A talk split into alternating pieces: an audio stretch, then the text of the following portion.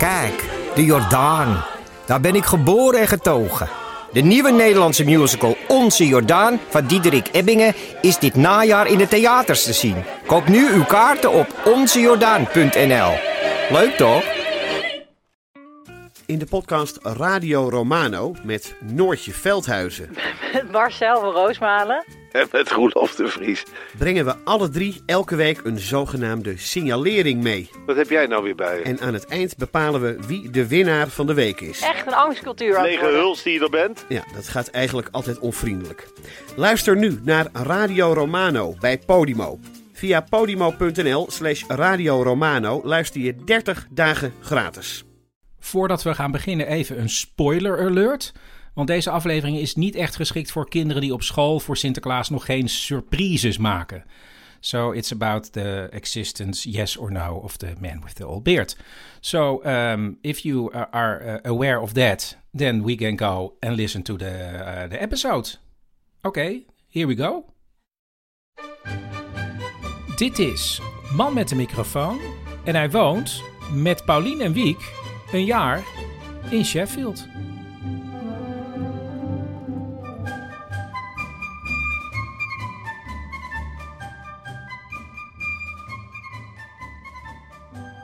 Het heeft eh, gevroren, dus we hebben de auto moeten krabben.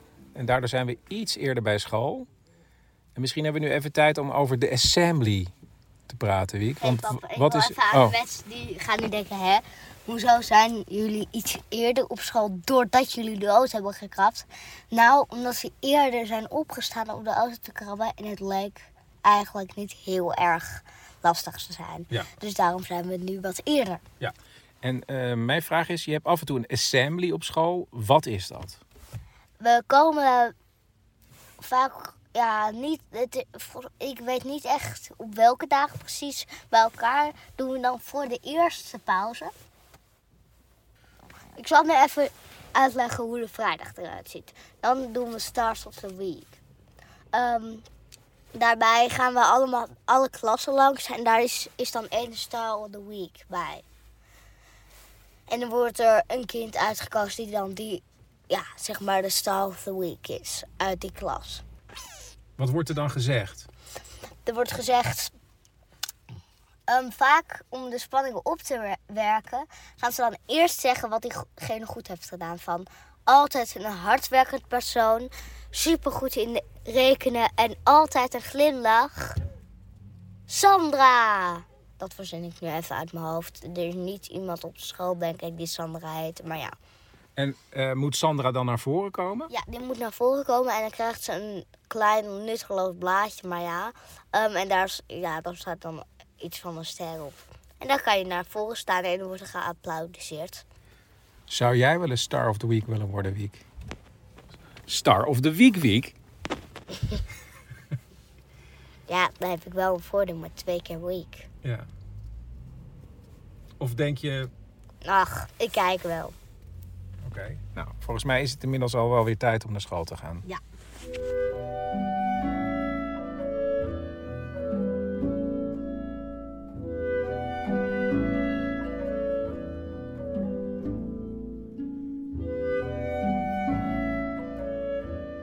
Paulien, we zitten weer op de bank.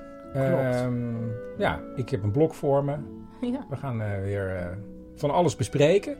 En ehm, ja, ik wil even beginnen met eh, een theatervoorstelling waar ik vorige week heen ben gegaan met Ivar. Die is inmiddels weer weg. Ehm, maar ja, dat was echt een genre. Ik hou heel erg van genres. Ja. Ja, en dit was een, een echte Engelse klucht. Hij Met heet- deuren? met deuren, maar het was ook een, een spel weer met een klucht. Dus het was een metaklucht. het was een metaklucht Ach, in drie delen. Want eh, je zag de repetitie van een klucht. Dus de klucht werd gespeeld, maar ondertussen werd de- klucht ook steeds stilgelegd door de regisseur. Dus je zag ook allemaal verwikkelingen tussen die acteurs. Dat is echt onderling. kopje thee. Echt. En Want het- misschien wil je de mensen vertellen waar jij ooit op bent afgestudeerd. op de klassificatie van de antidetective. Precies. En nu denken jullie misschien, luisteraars, van wat heeft dat dan te maken met een metaklucht? De Antidetective is een boek waarin elementen uit de detective worden gebruikt zonder dat het echt gaat om de plot. Heel goed, want ik heb het zo vaak aan je uitgelegd. Maar Dat ik het nu weet. En bijvoorbeeld als je dan denkt, waar moet ik dan concreet aan denken? Paul Auster. Bijvoorbeeld. Maar in de naam van de roos is eigenlijk ook. Ook een antidetective. Eigenlijk is het. De een hele genre. sfeer, de sfeer vind jij belangrijker dan de inhoud. En dat is bij een metaklucht, neem ik aan, ook het geval. Nou, er wordt gewoon gespeeld met de regels die ontstaan zijn in de loop van de geschiedenis. Ja. Dus er zijn regels van een klucht. En dit was een klucht geschreven door Michael Frayn. Bekend en- van, Bekend van eh, onder andere het scenario van de film Clockwise. ja, dat is geweldig. Die wil ik weer zien, die film. een film met, vinden. met John Cleese. Als iemand die op DVD heeft of nee, zo, er is vast. Iemand Oh. moet even mailen waar die op waar welke. we die kunnen zien. Maar ik heb wel eens gezocht. Ik heb Ja, niet bij Netflix. Nee. Oh, nou ja. Michael Frayn, ehm, bekend van onder andere het scenario van Clockwise, Een leuke film met John Cleese. schreef heel vaak een klucht. En hij was op een gegeven moment bij eh, een klucht, terwijl de klucht gespeeld wordt, zat hij achter in de coulissen. Mhm. En toen zag hij, hé, hey, maar hier gebeurt ook van alles. Zou het niet leuk zijn om daar een keer een Ja, stuk dat over is te maken? natuurlijk superleuk. En hoe heette deze klucht waar jij heen was? Noise off. Noises of, toch? Ja, noise is off of noise off. Nou, zoiets zoek zelf maar. En ehm, ja, een hilarisch stuk. Echt, ja, met Leuk. dijen kletsen. ja, dat klinkt heel stom. En we hebben er ontzettend van genoten. Het enige wat me opviel, en ik weet niet of dat heel Engels is, maar het stuk begon en toen dacht ik, hè? Volgens mij hebben ze helemaal geen zendertjes met microfoons. Het was wel een grote zaal. Een grote zaal, maar echt een knijtergrote zaal. Ja, dat 800 gebeurt- mensen. Dat gebeurt in Nederland niet meer. Mensen deden alles met hun eigen stem. Dus je, de ware karakters, die kon je echt niet goed verstaan. Oh, ik wou juist zeggen, oh ja, dat is dus die, dat is die klassieke theateropleiding dat je met je middenrif de achterste rijen moet kunnen bespelen. Absoluut niet. Nee. En het irritante was ook nog dat iemand naast mij een, een grote zak met snoep aan het opeten was. Ja, verschrikkelijk. Maar het stuk was echt ontzettend grappig. Cool.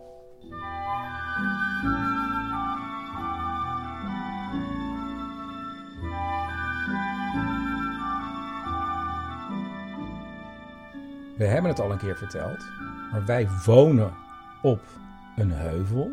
Mhm. En er was tegen ons gezegd, jullie wonen eigenlijk op de sneeuwgrens. Nee, boven de sneeuwgrens. Oh ja. En er was tegen ons gezegd, jullie wonen boven de sneeuwgrens. Nou Ja. dacht ik dat dat een beetje een grapje was. Maar, Paulien? Nou, we hadden dus inderdaad hierboven op een gegeven moment heel veel sneeuw. En beneden in de stad, ja, in ieder geval veel minder. Ja. En dat betekende ook, daar had eh, Duco, die eh, heb je misschien in een van de eerdere afleveringen gehoord, geeft ook les op de universiteit. Die zei, je kan hier niet schaatsen, Chris, dat is misschien jammer, maar sleeën, dat kan je hier. En toen zijn we hier naar de, het park gelopen en toen waren er ontzettend veel kinderen van een heuvel af aan het sleeën.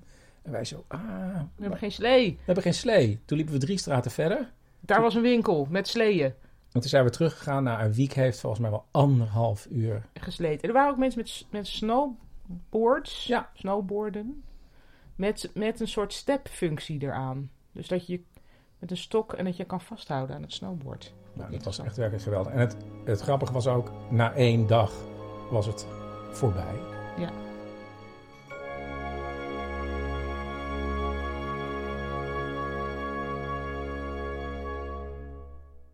Gisteren zijn we naar school gegaan.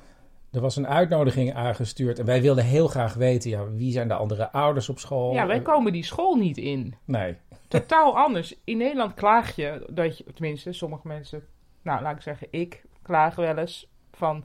Moeten we nou alweer versieringen ophangen of opruimen of weer andere dingen doen? Je moet heel erg actief. Je wordt toch geacht dingen te doen op Ja. school.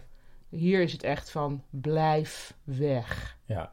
En het is een soort, ja, ik wou, ik wou zeggen gevangenis, maar dat is het niet. Maar dat is het eigenlijk wel. Want nou, je een komt, bastion. het is een bastion, je komt niet zomaar binnen. Nee.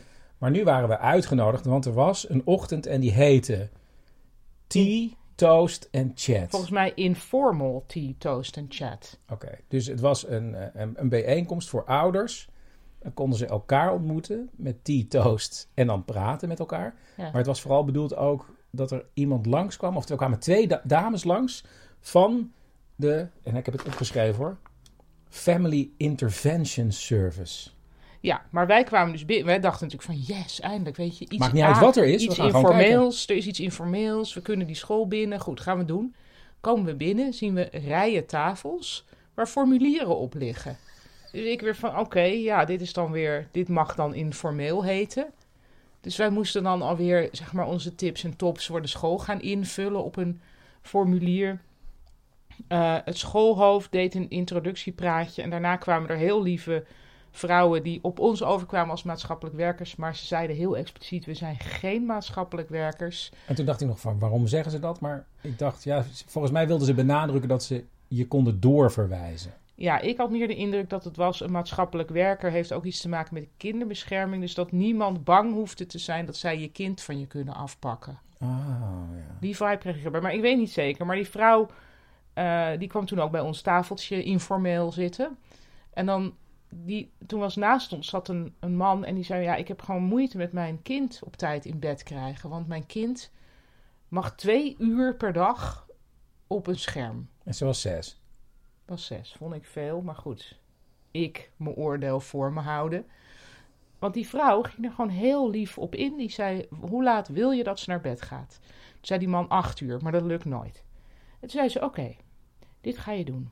Om kwart voor zeven zeg je, je hebt nog een kwartier de tijd. Om tien voor zeven zeg je, je hebt nog tien minuten de tijd.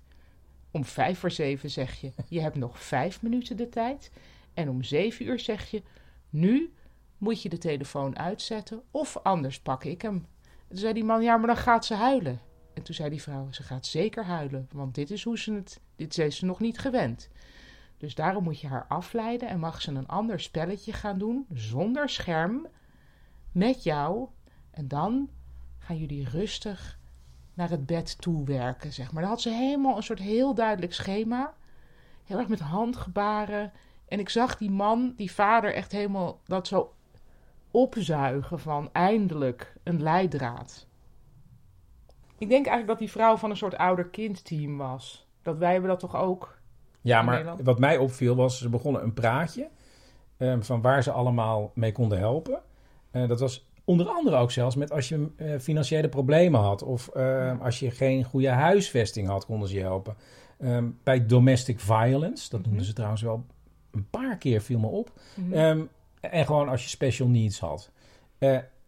Maar ze begon een heel lang praatje over slaapondersteuning. Ja. Je kon dus, als je kind niet in slaap kwam of te, te, Ja. te, s'nachts wakker werd, kon je gewoon speciale hulp krijgen om je kind in slaap te, Ja. krijgen. Maar dit bestaat bij ons ook. Oh, Dat is zijn ouder. Dat kun je volgens mij. Eerst heb je het consultatiebureau, maar als er dan daarna dingen zijn waar je moeite mee hebt, dan kan je dus naar het ouder-kindteam of zoiets. mhm. Nou, het was, ging om de empowering van parents, zei ze. Ja, dus het was allemaal wel wat dat betreft ietsje problematischer. Want wij dachten, nee, het wordt informal tea en chat. Dus wij dachten, we gaan die kinderen, of de ouders zien van kinderen uit de klas van Wiek. Maar Die wederom, die waren er niet. wa- of ze waren er niet, of wij weten niet wie dat dan zijn. Nee, ik denk dat van de hele school, eh, alle ouders, hoeveel waren er? Twaalf of zo. Twaalf. En opvallend veel buitenlanders zoals wij. Ja. En we zaten dus naast die man die eh problemen had met eh, dat, dochtertje wat te lang op de telefoon zat. Dat was Hassan, een ontzettend lieve man. Ja, En, eh, uit Irak. uit Irak. En die zei van, die was ook, zat ook op de universiteit om een PhD te halen. Want hij was eigenlijk al tandarts, maar hij moest Ja. nu nog vier jaar lang. Ja, hij ging nu een PhD oh, doen ja. in tandheelkunde. Maar hij vertelde wel meteen dat het heel treurig was. Want zijn vrouw was dokter, maar hier heeft ze de juiste kwalificaties niet. En dan moet ze eerst een bepaald examen Engels halen. En dan pas kan ze weer werken als... Dan kan ze vervolgens weer naar nieuwe kwalificaties halen. Dat is heel veel gedoe. Terwijl je eigenlijk zou denken, nou, er is ontzettend groot tekort hier aan zorgprofessionals. Stel nou dat je een dokter hebt, die al, al behandelt ze alleen maar mensen die Arabisch kunnen. ja. Maar goed, eh, ik ga er weer niet over.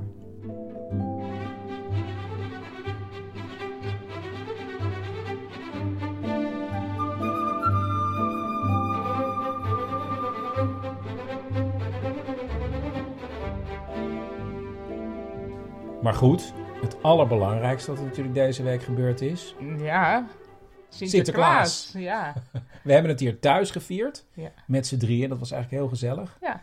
Ehm, binnen een half uur was het voorbij. Ja, ik, heb even gekeken op mijn horloge. korte pakjesavond. Ja, maar met z'n drieën ben je er zo, zo snel doorheen. En eh, er was ook Sinterklaas op de universiteit.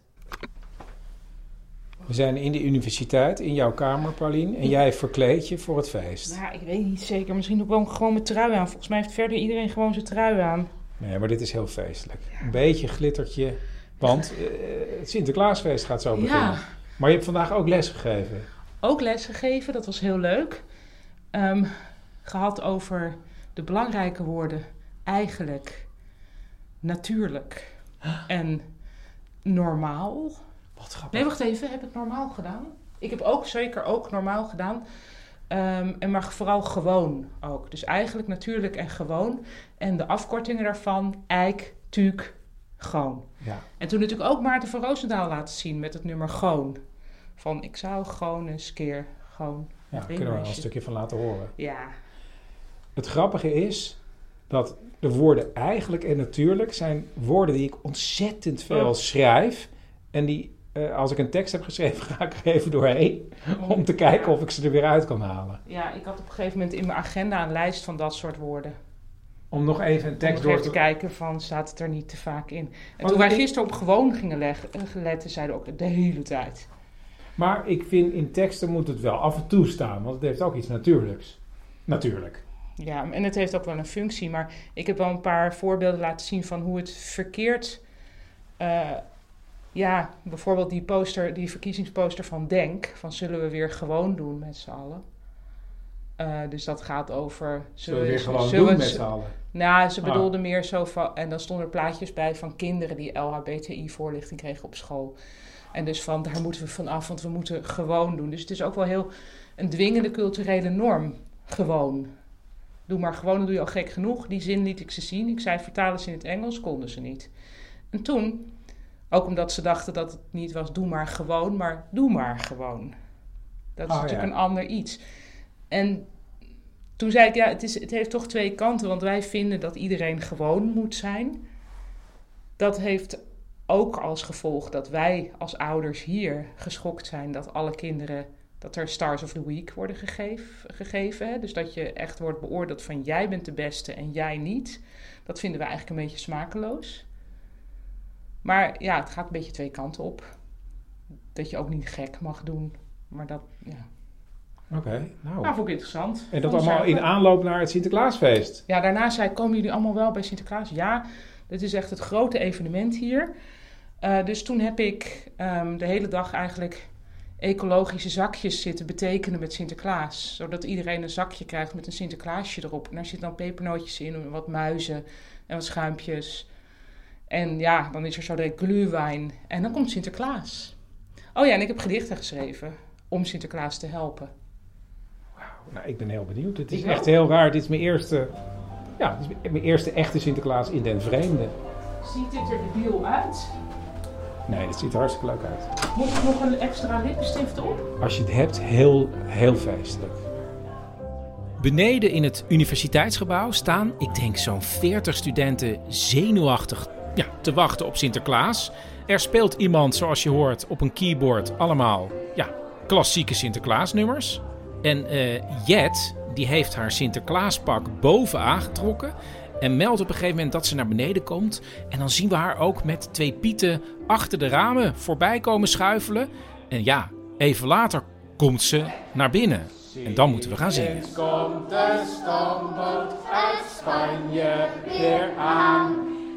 En even later spreekt Jet ons als Sint-Nicolaas van achter haar wiebelende snor toe. Wat heeft u mooi gezongen voor mij. En wat ben ik blij dat ik hier weer mag zijn. Ja. Als Sinterklaas eenmaal zit, dan roept hij één voor één de studenten naar voren.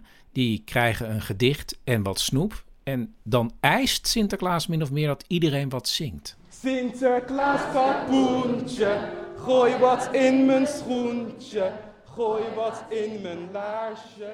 Een van de studenten die naar voren wordt geroepen, die kennen wij heel goed, want dat is Lottie. Die was vorig jaar A Year Abroad in Nederland en heeft toen Wiek Engelse les gegeven. En zij krijgt ook een gedicht. Spannend.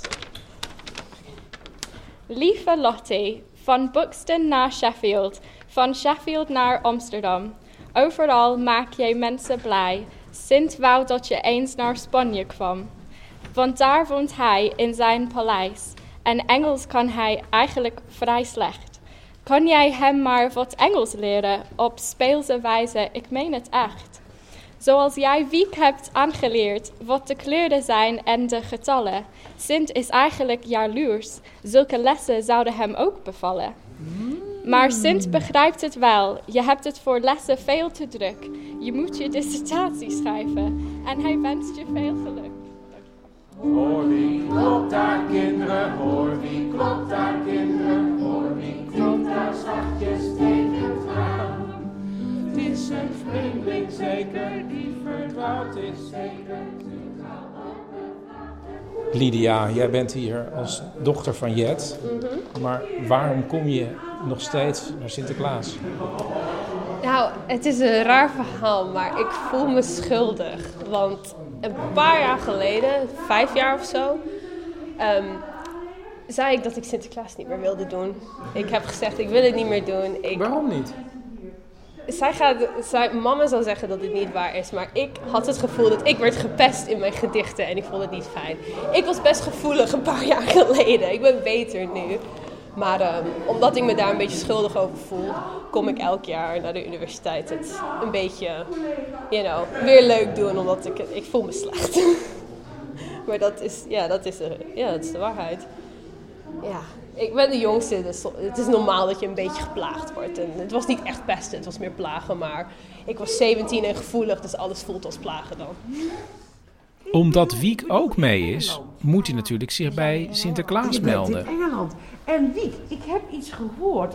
Jij denkt dat mijn pieten hier vervangen worden door Ratten. ratten. Ja, kun je dat uitleggen? Nou, kijk, zoals iedereen eigenlijk weet zijn dus nu Sinterklaas en ja, de Pieten heel erg druk bezig in Nederland en België.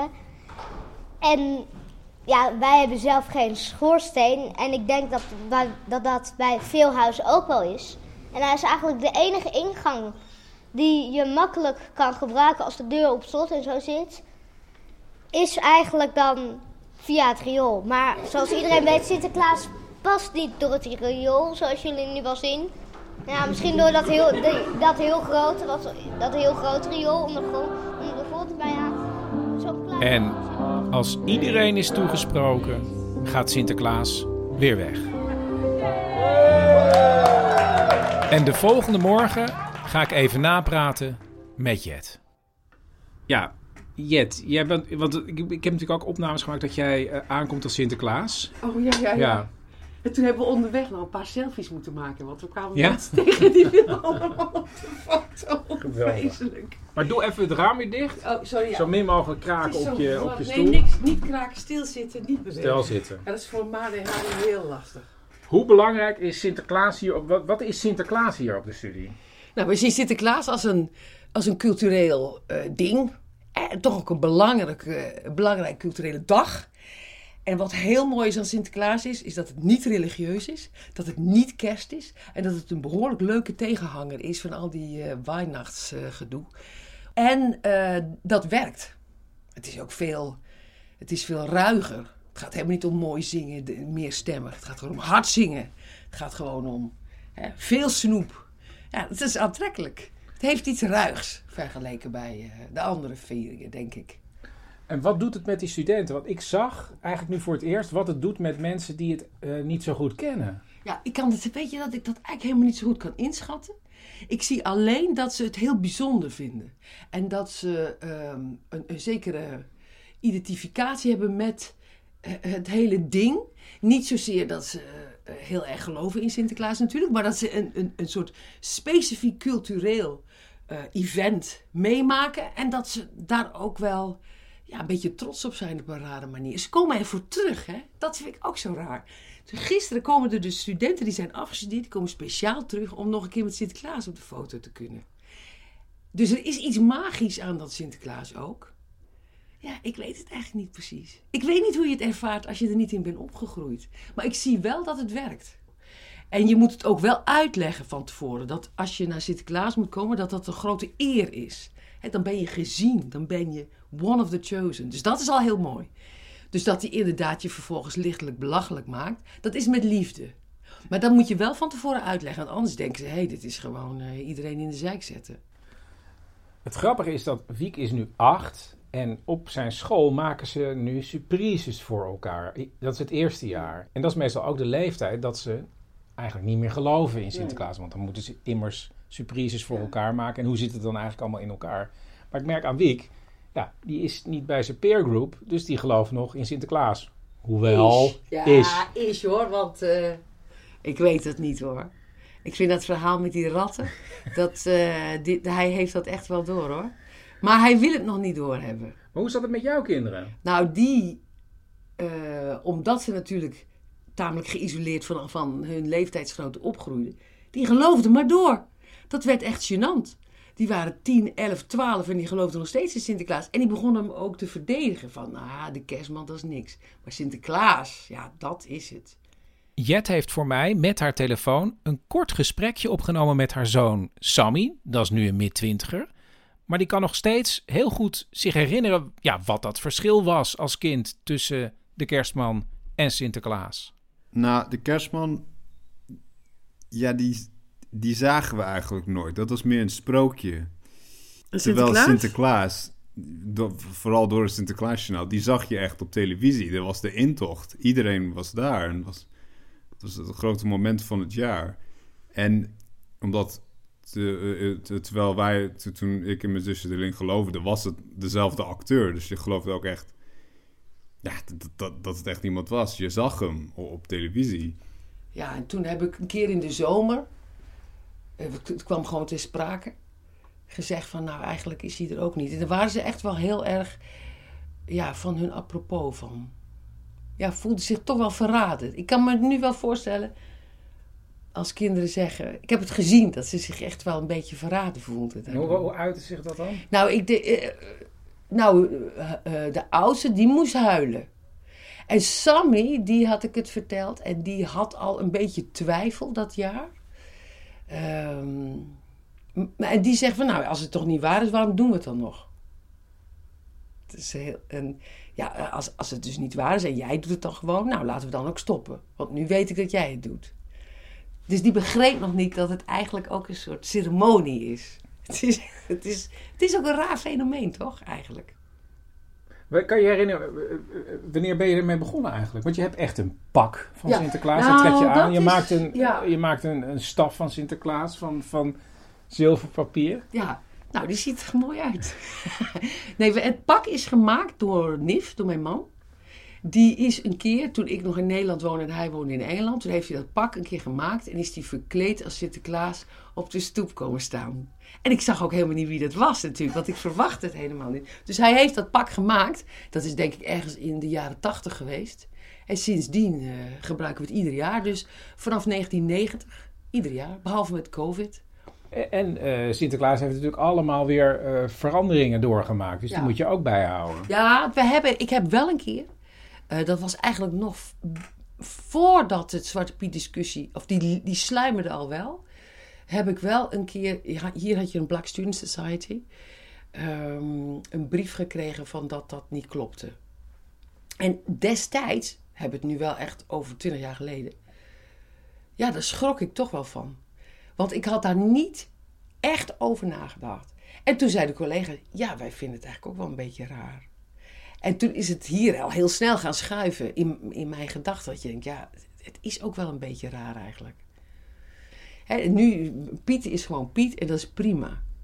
Het ziet er ook heel goed uit. Als je nu iemand ziet die wel zwart gemaakt is, dan denk je, jeetje, dat is een raar gezicht. Vind je niet? Ja. Maar juist omdat jullie zo ver van Nederland waren, zijn jullie eigenlijk al eerder gaan veranderen? Ja, omdat je het moest uitleggen aan mensen die er niet in zijn opgegroeid.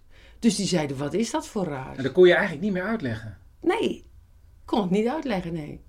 Totaal niet. Dus je moest het veranderen? Ja, Absoluut. Dus wij hebben het al heel snel veranderd. Eerst werd hij groen en, en later, ja, toen deden we dan maar groen. Maar ja, ja je moest wat. Uh, we hebben ook jaren gehad dat hij niet kwam. Gewoon geen pieten. Kijk, het, het is de bedoeling dat het leuk is. Het moet voor iedereen leuk zijn. En ik kon het niet meer uitleggen. Dit was niet meer leuk gewoon. Nou, dan moet je het veranderen. En nu is het gewoon weer leuk.